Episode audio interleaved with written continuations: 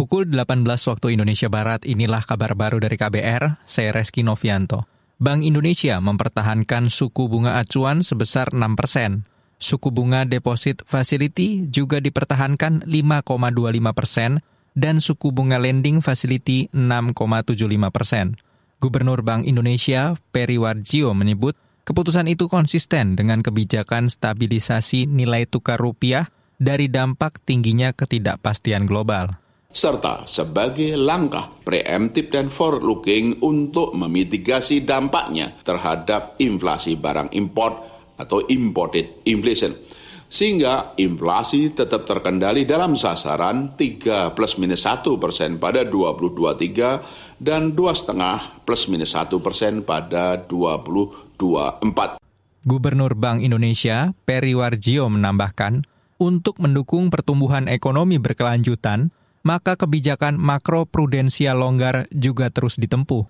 Selain itu, untuk memperluas inklusi ekonomi dan keuangan, Bank Indonesia juga mendorong percepatan digitalisasi sistem pembayaran. Kita ke soal lain. Anggaran pendapatan dan belanja negara APBN untuk porsi kesehatan dikritik lantaran fokus pada upaya pengobatan bukan pencegahan. Ekonom senior dari Indef, Afiliani menilai APBN porsi kesehatan ke depan harus diubah fokusnya untuk pencegahan penyakit demi memperbaiki kualitas SDM. Ya, pencegahan itu bisa jadi dua, pencegahan untuk kesehatan secara langsung dan pencegahan dari sisi tadi eh, bagaimana ketika seorang ibu ya sebelum menikah sampai dia menikah dan akhirnya melahirkan anak dengan gizi yang baik sehingga juga bisa menurunkan stunting ya. Karena stunting kalau kita lihat dari angkanya, ternyata bukan hanya orang miskin yang mengalami stunting. Yang mengalami stunting juga keluarga kelas menengah. Ekonom senior dari Indef Afiliani menambahkan, APBN sektor kesehatan yang lebih berfokus ke pengobatan hanya akan membebani keuangan negara.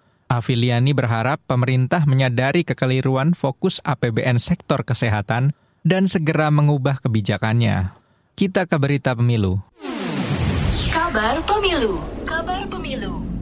Komisi Pemilihan Umum KPU Kota Serang, Banten mencatat hingga November ini ada lebih dari 2.000 warga yang masuk dalam daftar pemilih tetap DPT Pemilu dan ternyata sudah meninggal. Dikutip dari Antara, anggota KPU Kota Serang, Fahmi Mustiafa, mengatakan ada tiga sumber data untuk menemukan daftar nama pemilih yang sudah meninggal, yaitu dari Disduk Capil Kota Serang, Kemendagri, dan laporan dari masyarakat atau penyelenggara di tingkat kecamatan atau desa.